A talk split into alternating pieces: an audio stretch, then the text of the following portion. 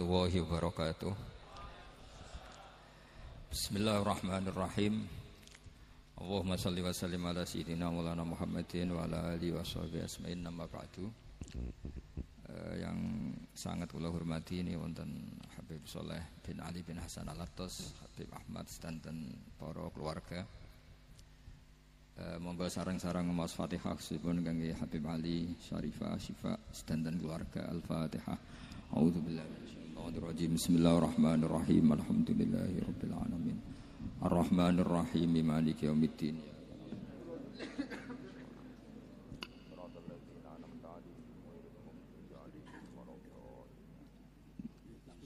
Ini ngaji pinten 20 menit.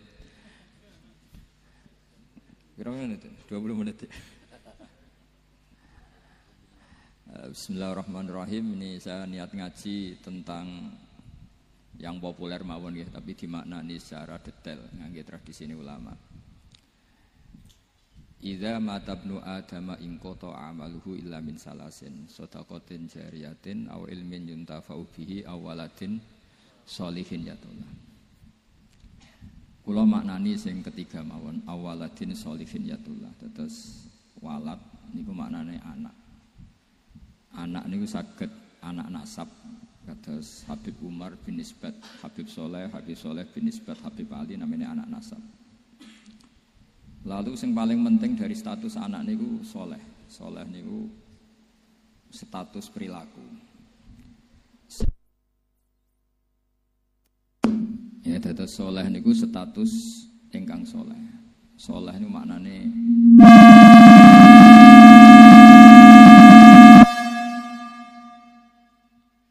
Soleh niku maknane ingkang layak. Yat ulah nembe wonten sifat kedua ingkang dongano. Terus pertama nu sementing soleh. Di kata saat ini niku tiang mendoakan orang tuanya, tapi buatan nanti status soleh, dari rapati mandi. Jadi ini yang perlu diperhatikan. Jadi status soleh itu kita dapatkan dulu, baru yat ulah. Sekarang do menculot, anaknya do rapati soleh, terus dunga dunga saja ini rapati mandi. Nah ini Habib Ali bejo, anaknya dijinakno soleh ya soleh tenan. Jadi ini pun pun niku nama merger nih, jadi soleh kamil. Tapi ngeten kayak kalau pesan karena Habib Soleh mulai kecil sama saya, sama-sama ngaji di Bahmun. Orientasi terbaik saking sunnah nabawiyah, gini ku keberlangsungan. Terus kalau sering belajar tentang kitab-kitab samawi, kitab-kitab sing diriwayataken beberapa ulama ahli kitab sing pun disaken kalian ashabu Rasulillah sallallahu alaihi wasallam. Niku riyen Nabi Ibrahim niku pertama dadi Khalilur Rahman kekasih Allah Khalilur Rahman. Niku mergi piyambake nu tersiksa tersiksa protes. Terus kadang tiang saya ini kudu protes. Tapi protes bukan kita demo protes itu tidak harus demo protes Ya Allah, dunia ini tidak fair. Engkau yang Tuhan, engkau zat yang begitu penting, engkau zat yang menciptakan langit dan bumi, engkau zat yang memberi rizki, yang bikin air, bikin oksigen, semua kebutuhan manusia, kemudian mereka tidak kenal engkau. Ini tidak fair. Jadi beliau itu tiap malam itu ngumpat, ngumpat. Ini enggak fair dunia ini. Engkau yang begitu penting mencipta langit bumi, engkau begitu penting yang menciptakan air, menciptakan kebutuhan manusia, kemudian mereka tidak kenal engkau. Ini tidak fair. Ini tidak benar. Jadi sering marah gitu. Karena sampai nggak bisa bayangkan kan apa pun hebatnya presiden atau menteri atau rektor atau kiai itu nang desa nggak dikenali statusnya diundang le apa yang dile itu gak keren belas. Karena ya sama kan salah Habib Soleh Alatos muridnya Said Umar punya Mun terus nang desa diundang pening dile itu kan gak keren belas. Awal dari keren tetap dikenal.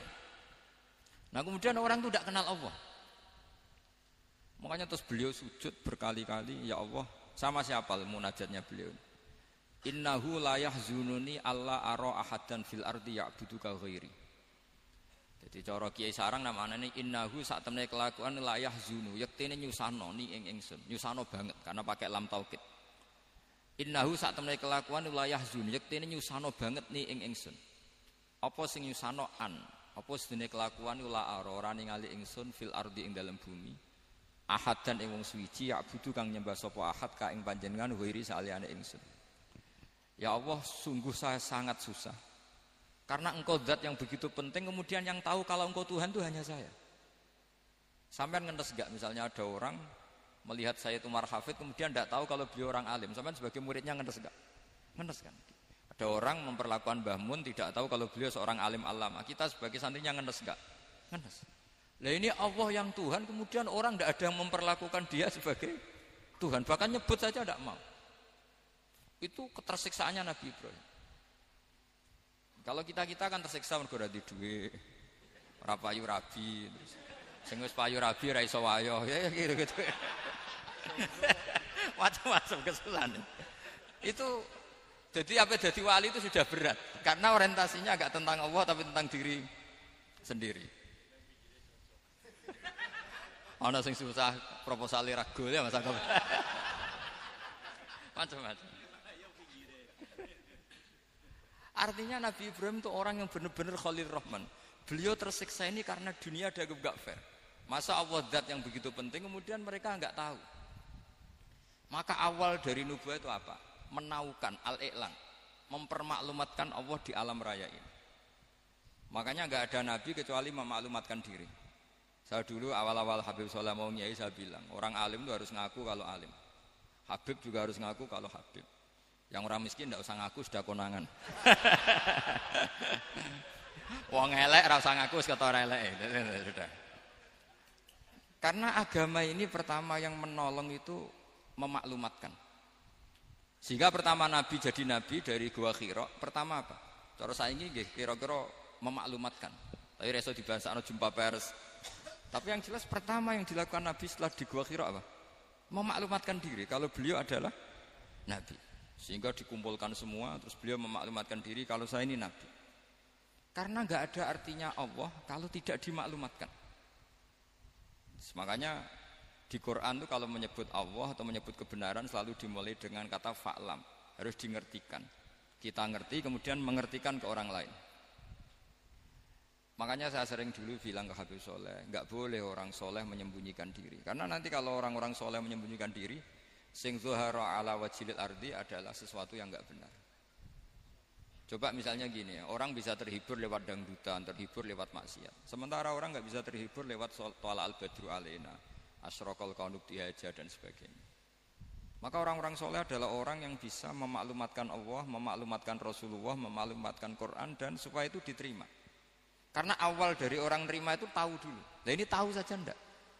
Makanya Nabi Ibrahim susah ya Allah, engkau zat yang begitu penting kemudian tidak diketahui. Ini apa-apaan enggak fair. Akhirnya Nabi Ibrahim diangkat sebagai Khalil Rahman untuk menaukan atau untuk memaklumatkan Allah Subhanahu Nah sebelum itu beliau dihibur, diterbangkan ke langit ke alam malakut. Kamu susah ya, kenapa susah? Karena zat sementing engkau kemudian tidak ada yang menyembah. Terus dijak ke alam malakut ditunjukkan sekian juta malaikat, sekian ribu malaikat semuanya membaca tasbih takbir. Ibrahim senang. Oh ternyata sing seneng jenengan banyak. Loh, coba kalau kita punya kiai kayak Mbah Mun, semakin yang seneng banyak kan semakin kita sen senang. Kalau nggak ada yang tahu kan kita tersiksa.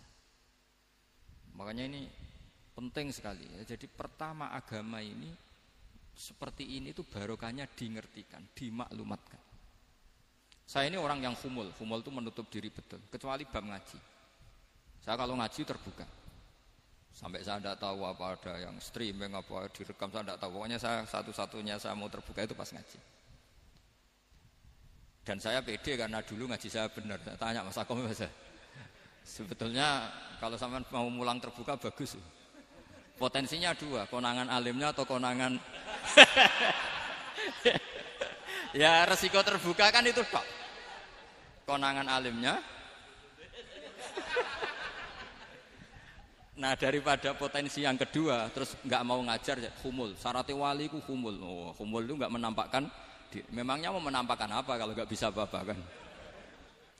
Jadi saya tidak tahu itu humul apa bagian dari pengamanan diri. Apa mas? Apa? Aim. jaga iman jadi Nabi itu pertama yang dilakukan apa? Memaklumatkan kalau Allah itu Tuhan. Jadi ciri utama orang soleh itu kalau kebenaran tidak mendominasi bumi ini. Jadi ciri utama orang soleh itu seperti itu. Makanya kenapa saya milih manhat, tentu Habib Soleh anda harus niru saya karena antar orang alim tidak boleh saling mengikuti. Tapi juga seterusnya nggak boleh saling ganggu. Saya itu ngaji di mana-mana itu guyon.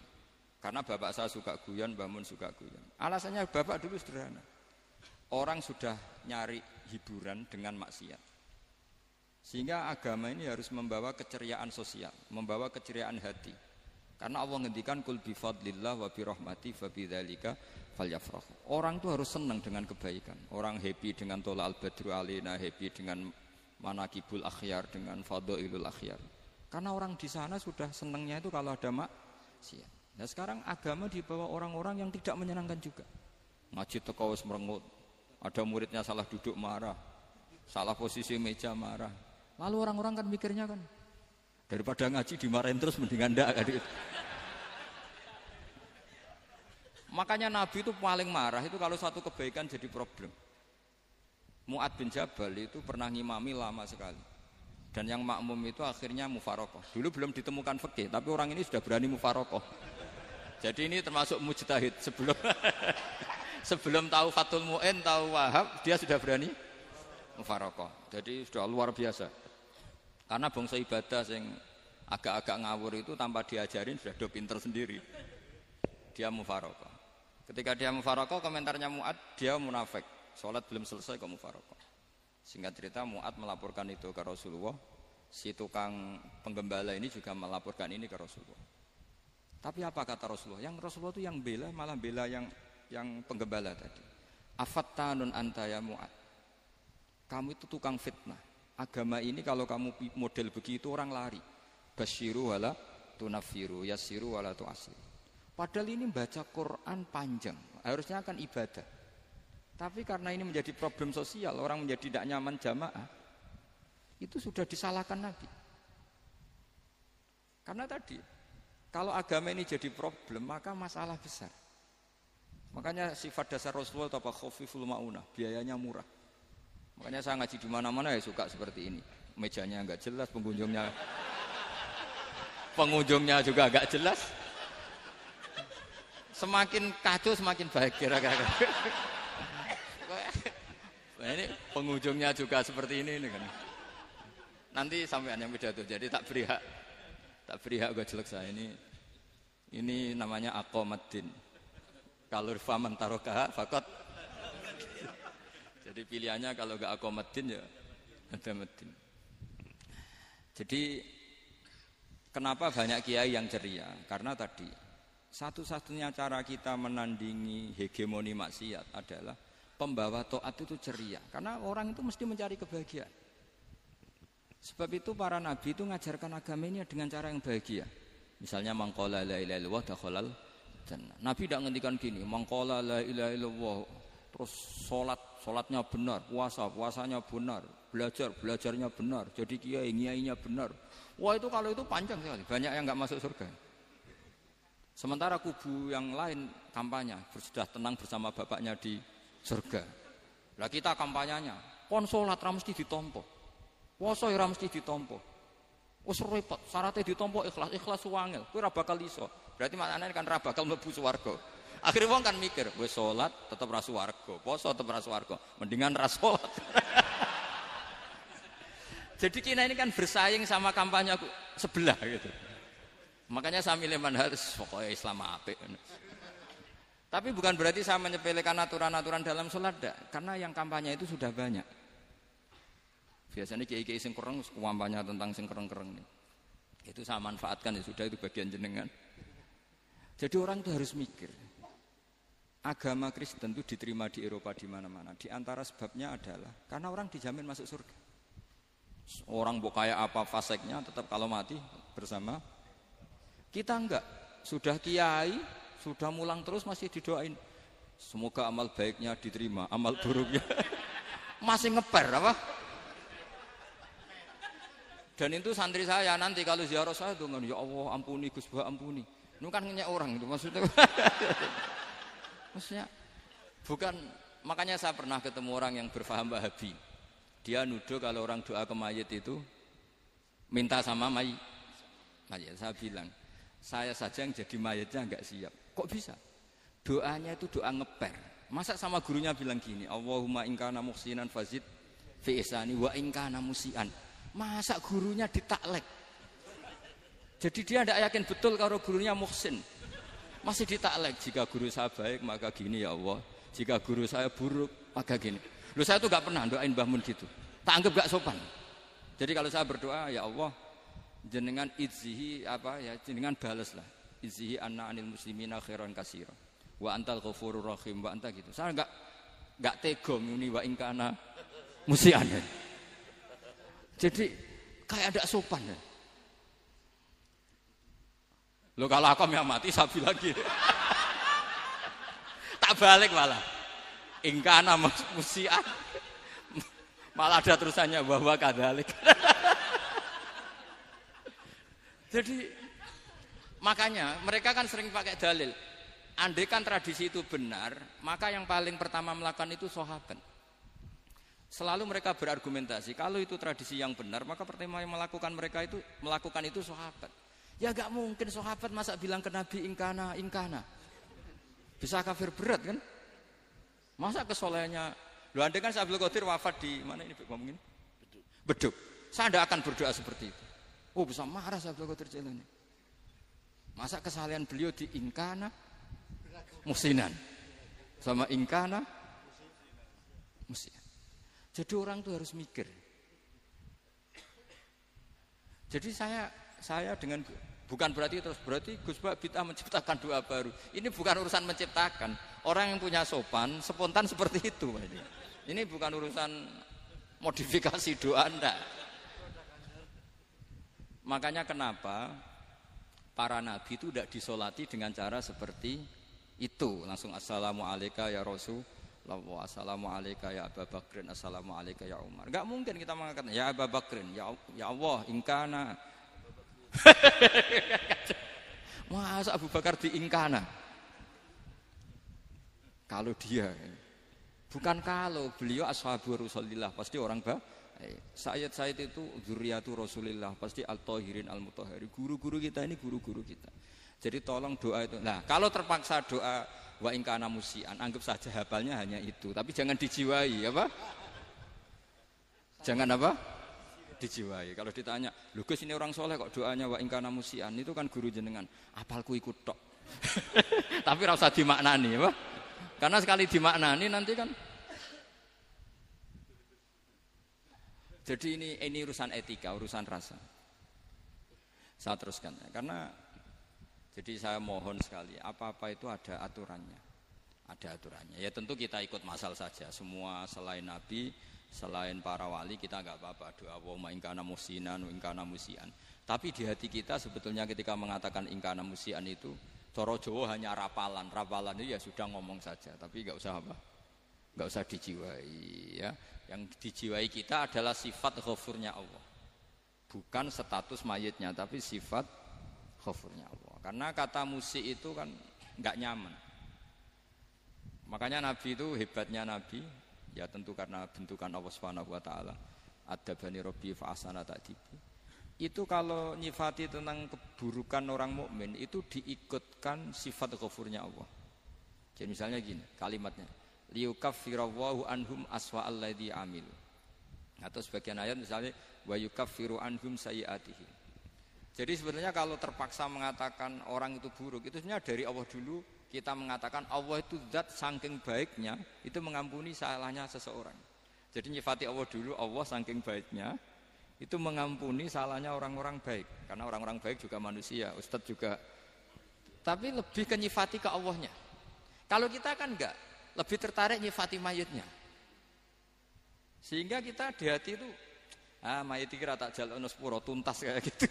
jadi, jadi kalau di Quran tidak seperti itu. Jadi kita lebih mensifati Allah itu ghafur, afuwung karim.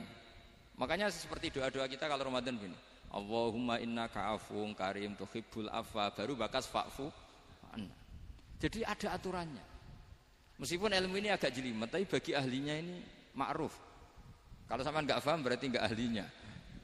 Jadi ilmu ini agak jelimet, tapi ma'ruf. Nah, sehingga Rasulullah kalau kita meyakini syafaatul Rasulullah SAW itu cara berpikir harus kita balik. Misalnya begini, Wong Islam nakale ngono, penggaweane maksiat kok disafaati Kanjeng Nabi kurang penggawean. Caranya berpikir jangan gitu. Kalau gitu kayak mari mangkal, wong nakale ngono kok untuk syafaati Kanjeng. Tapi cara berpikir gini, syafaatu Rasulillah itu wasiah, luas sekali. Syafaatu Rasulillah ghairu munhasirah, tidak terbatas. Syafaatu Rasulillah itu lebih sakti ketimbang dosanya umatnya. Semua ulama dulu kalau nyifati Allah juga gitu. Allahumma misalnya, maghfiratuka ausa'u min dzunubina. Ya, yang misalnya yang pakai mutakalim ya Allahumma maghfiratuka ausa'u min dzunubi wa rahmatuka arja intimin amali. Jadi jangan kitanya dulu. Kalau kitanya dulu kan nyifati kita dosa banyak. Itu sama ndak usah ngaku sudah tahu semua. Tapi nyifati pertamanya apa? Allahumma maghfiratuka ausa'u min dzunubi wa rahmatuka arja intimin amali. Sehingga dari nyifati maghfiratullah yang wasiah, yang tidak terbatas, kemudian kita sah mengatakan bahwa ahlul maksiat pun mungkin atau berhak dapat ampunan. Sama. Syafa'atu Rasulillah itu ghairu munhasirah.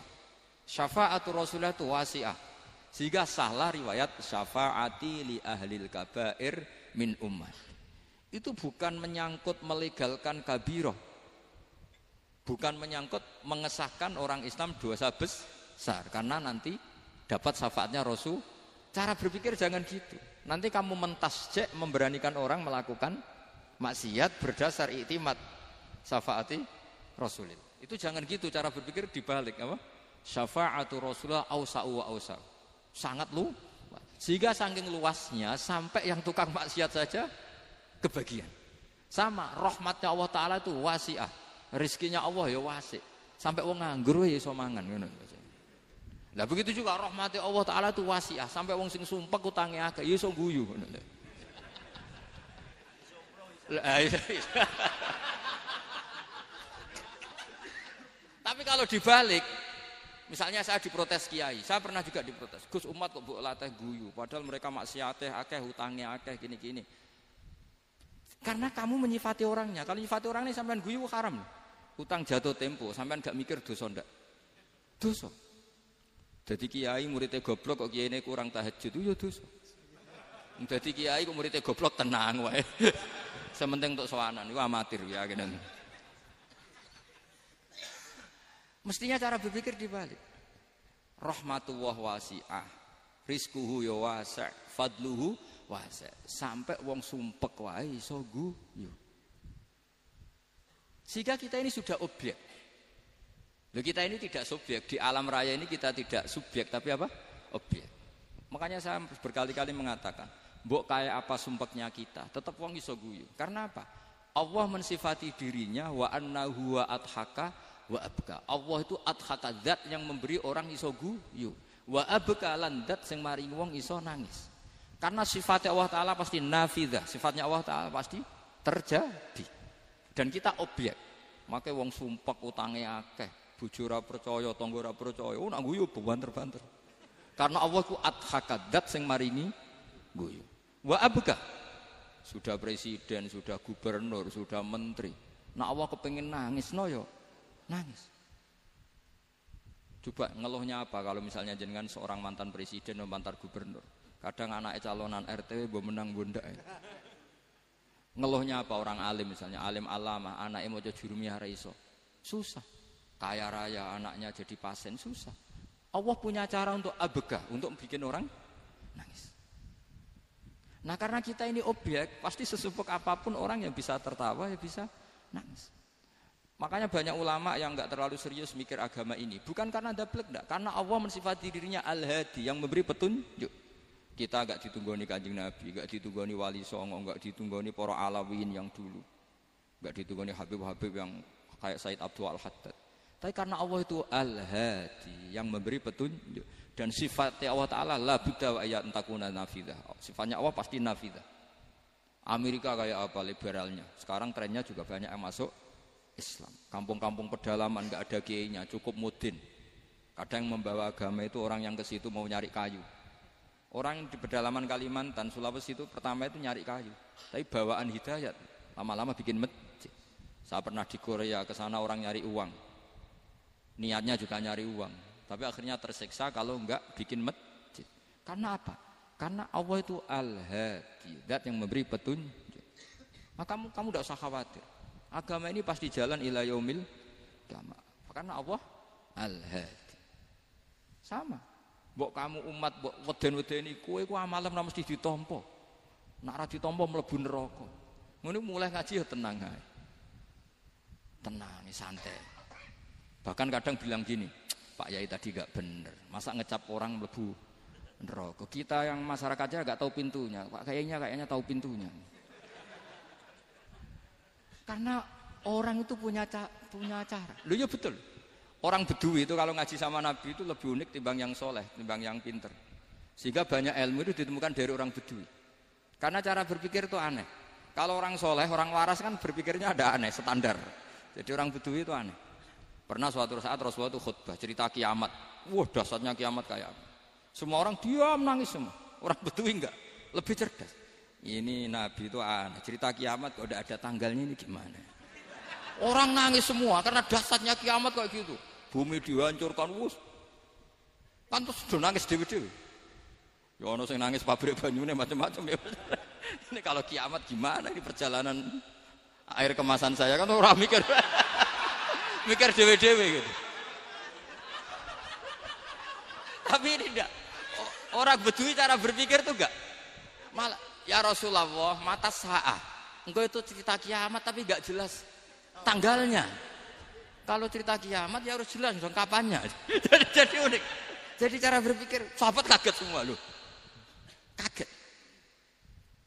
Karena gak kepikiran. Nabi Arodo Anhu Arodo itu mengabaikan.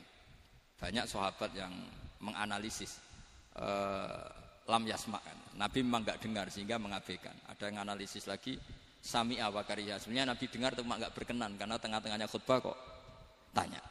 Tapi si Arabi ini cerdas. Masuk akal kan? Misalnya mau pilihan presiden, orang mesti tanya, kapan kan gitu. Ya kan?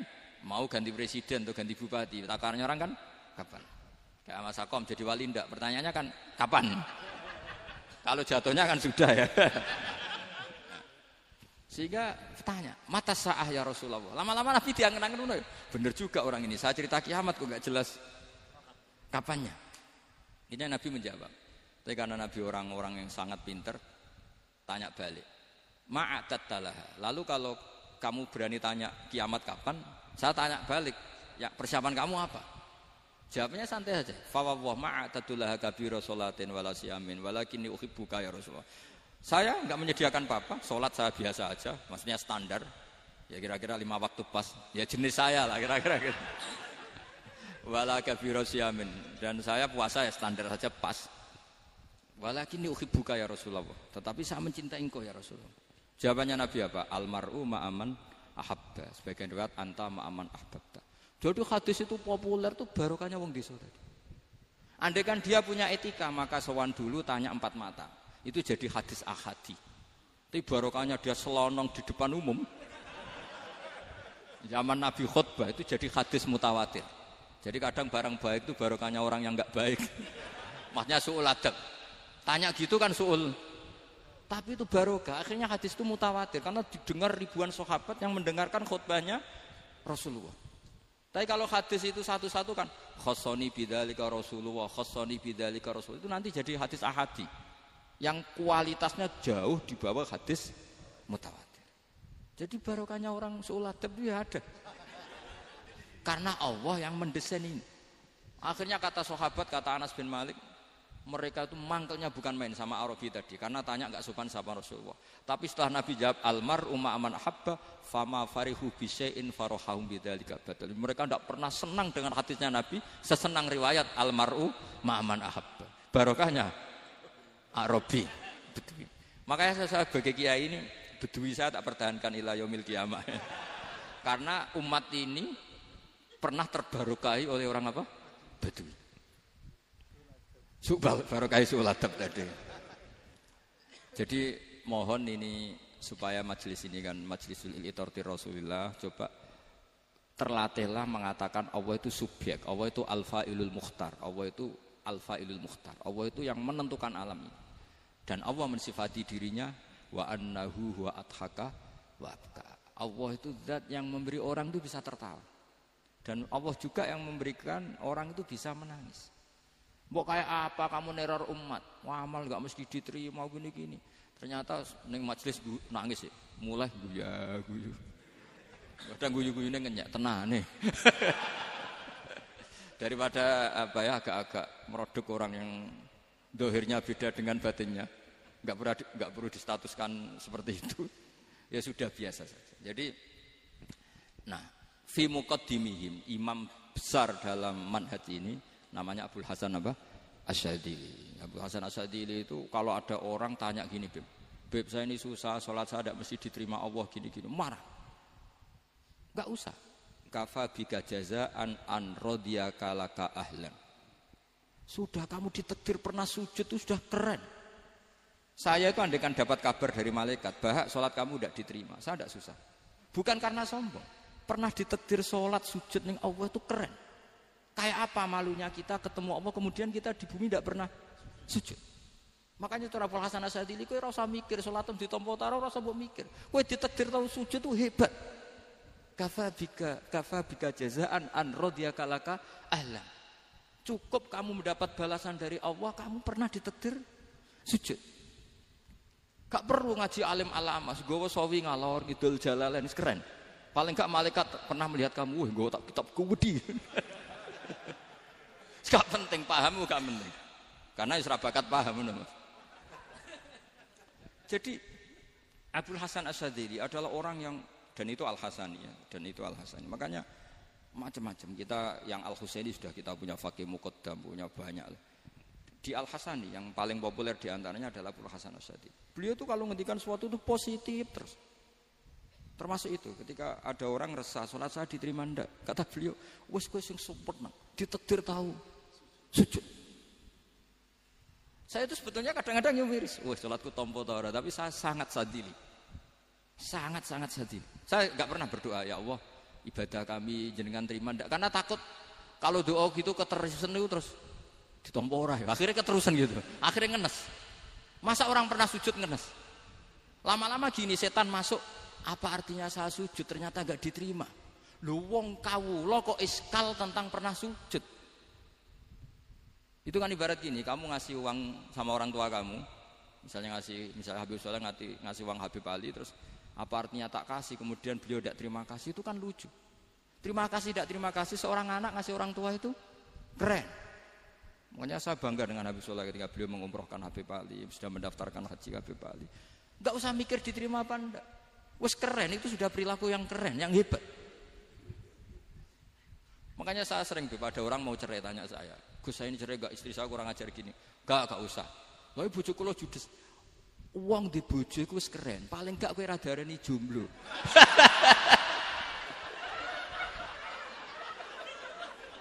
uh, diarani duda ora enak.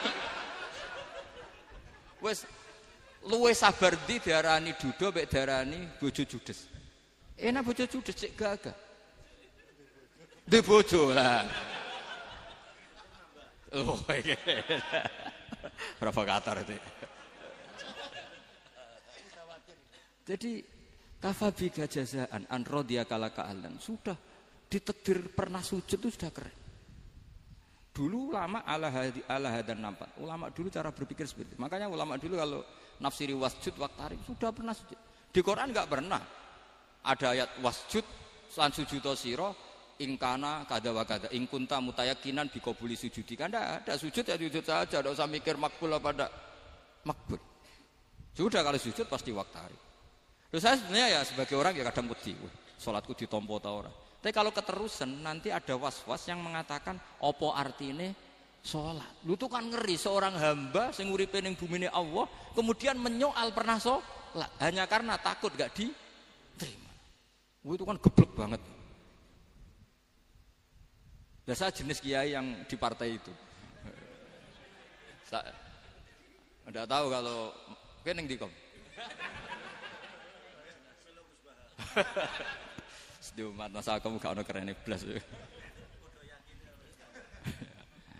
Jadi lah nanti kalau misalnya ada manhatnya Habib Soleh yang yang tidak seperti itu tidak apa-apa. Mungkin supaya orang nggak takabur, nggak fakir. Sehingga makanya mulai dulu lama itu ya partainya kalau nggak rojak ya hauf.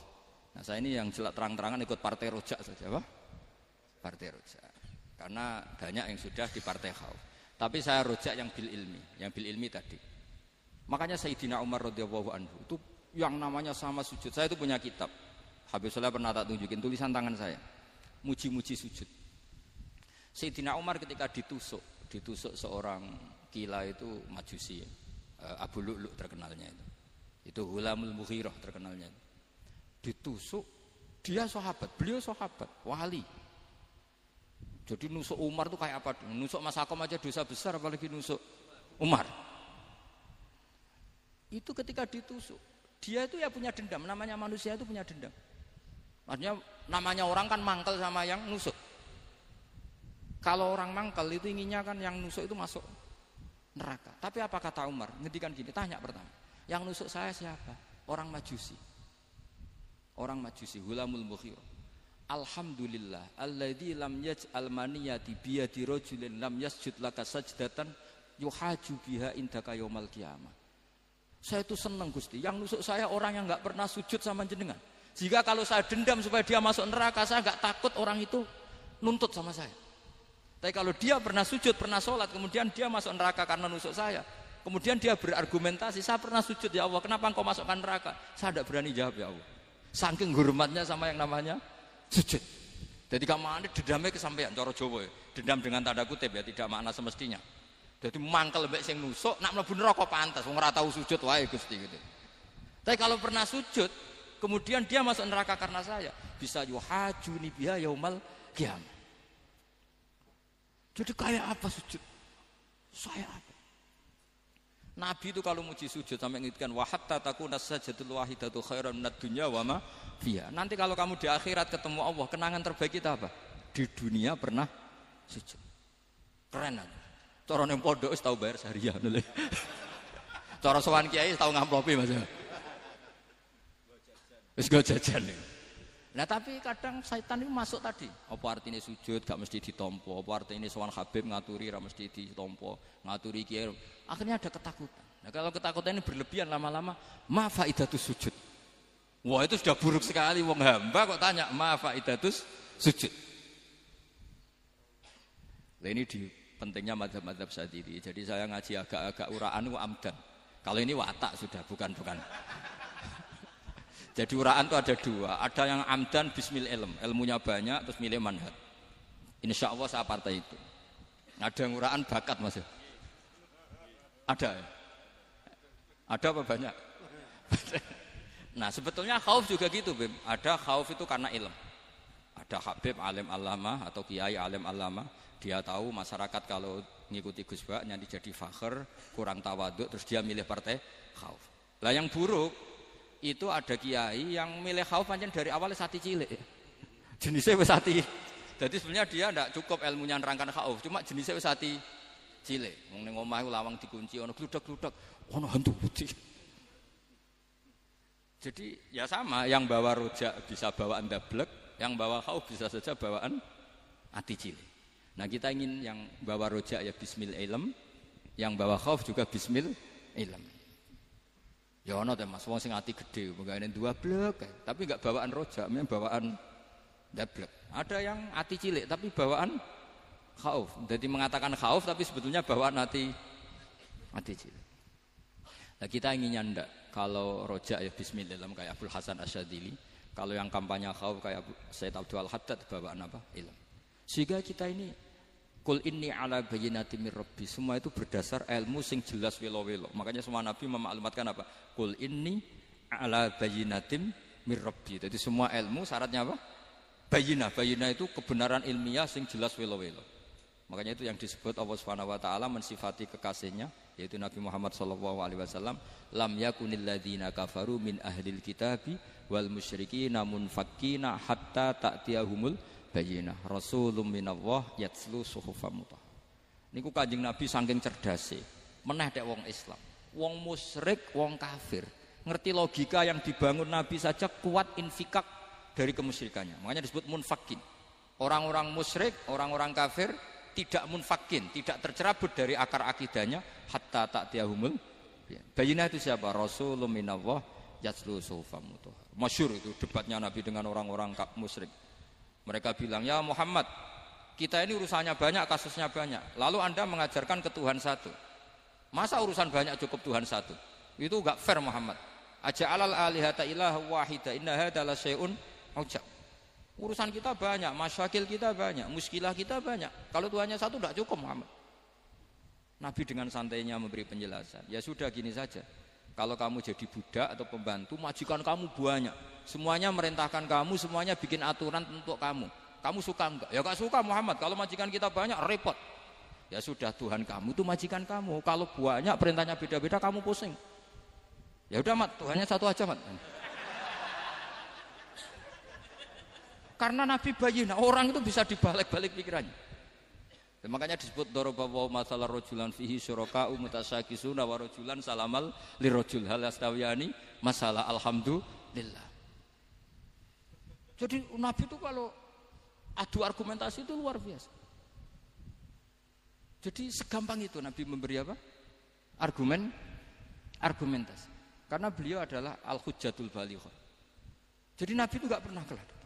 Pernah Nabi debat sama orang Yahudi. Muhammad, saya ini turunan Ibrahim. Kita ini Israel ya. Kita tahu Israel adalah turunan Nabi. Israel nama lain dari Yakub. Yakub bin Ishak bin Ibrahim. Padahal Yakub ini punya anak namanya Yahuda. Makanya Yahuda bin Yakub bin Ishak bin. Kita ini yang mirip Ibrahim. Bukan kamu. Tapi orang Yahudi itu nggak apal nasabnya. Sehingga mereka bilang, kita ini saking baiknya, Ibrahim saja pengikut kita. Terus digojlok Nabi. Ibrahim iku buyute Yahuda. Makanya digojlok ha antum ha ula ihajatum fi malakum bi ilm falimatu hajuna fi ma bi ilm. Kita adu debat itu sudah ilmiah. Kenapa kamu menjadi tidak ilmiah? Kenapa Muhammad? Terus Allah menurunkan wama unzilatit Taurat wal Injilu illa mim ba'di afala taqilun. Artinya gini, kalau Ibrahim dikatakan Ibrahim Yahudiyah, itu sama dengan saya berkali-kali podo karo sampean misalnya ngendikan Bazuber itu pengagumnya Gus Roji misalnya. Padahal Gus Roji bin Ubab bin Maimun bin Zubair. Misalnya Gus Roji bin Kiai Ubab bin Kiai Maimun bin Kiai Zubair. Nah Ibrahim itu kan Yahuda bin Yakub bin Ishak bin Ibrahim. Terus mereka bilang Ibrahim itu pengikut Yahudi. Itu kan kebalik balik. Kayak Habib Hasan itu pengagum Habib Soleh. Kan Habib Hasan rohnya ini gimana ini sih mbahnya kok dianggap. Nah sehingga orang Yahudi ketika Nabi berdebat, beda dengan Nabi Muhammad SAW. Ketika ditanya, kenapa kamu yakin agama tauhid? Millata abi. Karena ini agama nenek moyang saya. Millata abikum apa? Ibrahim. Jadi jelas. Hanya orang Yahudi ngerti. Ya kan sama dengan mengatakan tadi Pak Karno itu pengagum Puan Maharani. Kan aneh. Aneh nggak kalimat itu? Basim Asari itu pengagum Gus Dur. Gak lucu. Itu debat. Jadi Nabi itu orang yang bayina. Bayina itu kalau menerangkan kebenaran itu bahkan orang kafir pun bisa infikak, bisa munfakin, tercerabut dari akar. Nabi itu mudah sekali merubah logika. Makanya di Quran sering ada kata aroaita, aroaitum. Karena memang tadi. Nah saya mohon apa pun pilihan anda rojak kayak Abdul Hasan Asadili tadi. Ketika orang resah sujudnya diterima apa enggak, sholatnya diterima apa enggak. Beliau bisa berargumentasi betapa pentingnya sujud. Wes aja kowe iku kawula, tahu sujud itu keren. Saman bayangkan betapa malunya kita. Kalau kita ketemu Allah kemudian di dunia enggak pernah Lho paribasane kula mlebu swarga lah iku isin. Mlebu swarga tapi ning donya ora tahu. Isin. Sama seperti kowe di guru, saurip-uripmu ora tahu salam template wis. Kira-kira seperti. Meskipun salam template ora penting. Ya ora penting tuh. Misalnya soalnya salam template saya ketahui duit wis akeh ngono kan. Nama sakom penting kudu rokok. itu bukan nilainya kok betapa malunya kita. Saya dulu mau sarang, andai kan tidak pernah khidmah sama iya malu tenan sebagai apa? Santri. Makanya Sayyidina Umar ketika beliau dibunuh orang, itu pertanyaan pertama, dia pernah sujud enggak? Enggak pernah. Andai kan dia pernah sujud, maka saya tidak berani masukkan dia masuk neraka. Takutnya dia protes sama Allah, ya Allah saya pernah sujud kenapa harus di neraka? Atau Umar ditanya Allah gini, Umar, kue ridho wong sing tahu nyembah aku kemudian dia di neraka. Kayak apa? Jadi makanya Umar ketika wafat ketika alhamdulillah alladzi lam yaj'al maniyati biyadi rajulin lam yasjud laka sajid. Ya jadi saya mohon sekali jadi uh, majelis ini sebuah majelis mubarak caranya tauhidnya dibenarin ya tauhidnya dibenarin. Jadi Allah itu adhaka wa abka, Allah itu al-hadi. Allah itu ar-razzaq. Sehingga menteri ekonomi salah rumusillah wong tetap mangan. Mergo Allah itu ar-razzaq. Mbok negara dikelola keliru lah wong tetap mangan wong Allah itu ar-razzaq. Kiai rada akeh sing masalah. Tapi ya tetap agama ini jalan. Lho andai kan syaratnya agama ini kiai ini bener. Wah ya repot. Kowe iso bayangno masakom bener terus. Tapi agama ini berkali-kali coba di TV itu banyak nyun sewu ada ustadz, ada kasus apa, ada kiai, kadang ada masalah hukum. Agama ini jatuh enggak? Enggak masalah.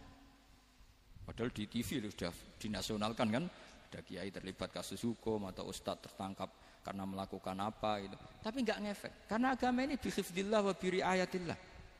Sama. Negara mana-mana kadang manajemen ekonominya enggak jelas, tapi masyarakat ya makan karena Allah rezat. Sama aku kancanan Mas Ako mengeluh tapi Allah adhaka. Akhirnya iso guyu.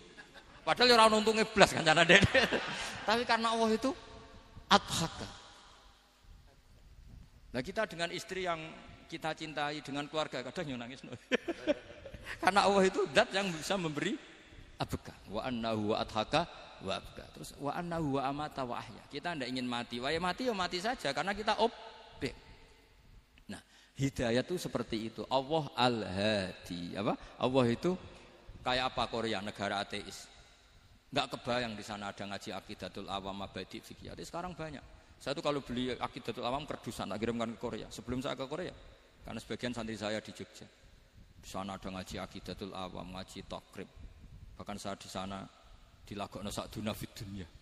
Kayak apa Allah kalau ingin bikin hidayah? Karena Allah itu al-hadi. Wong Indonesia digerakno seneng duit, Bareng gue seneng duit mau apa?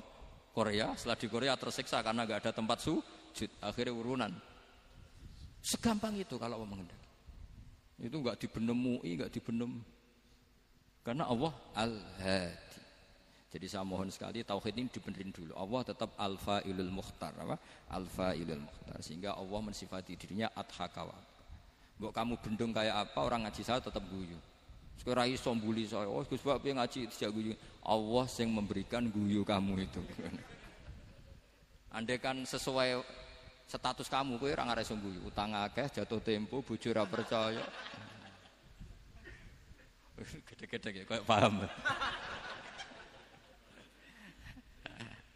Ya jadi ini tak isetkan jenengan saya ini tadi bawa kitab Fatur Rahman di Tolibi ayat Quran mau tak kasihkan hadiah ke saya itu Marhafid sebagai penyempurna karena beliau sudah Al Husaini. Semoga ini dapat barokahnya Al Hasani. Ini ini dikarang oleh zurianya Abdus Salam bin Masis.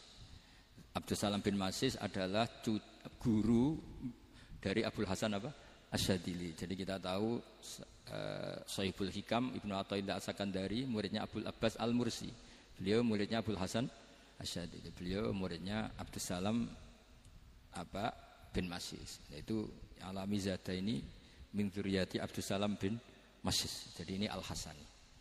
Jadi jadi ini sudah klub karena mulai dulu ya tradisinya gitu banyak sabaib ngaji barojak bafadol nanti yang bafadol barojak yang ngaji Habib lagi seperti sanatnya soleh di sarang ya soleh ngaji Bahmun tapi Bahmun ngaji Sayyid Alawi Sadat ya ngaji Sayyid Zaini Dahlan nanti setelah Sayyid Zaini Dahlan ngaji Ajam lagi Usman Adim Yati jadi ya biasa mulai dulu silsilah ya seperti itu seperti dulu Ibnu Abbas termasuk korobatu Rasulillah. Jadi dulu korobatu Rasulillah itu Bani Hasim sama Bani Muttalib.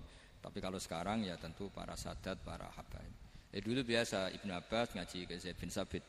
Itu Ibnu Abbas yang mencium tangannya Zaid bin Sabit. Tapi Zaid bin Sabit juga mencium tangannya Ibnu Abbas karena korobatu Rasulillah Shallallahu Alaihi Wasallam. Jadi saya mohon semuanya itu insaf bil ilm, ilm ya, insaf bil ilm. Kayak tadi munfakina hatta tak tiahumul bayin jadi bayina itu orang yang kalau menerangkan itu memberi penjelasan sing jelas welo-welo.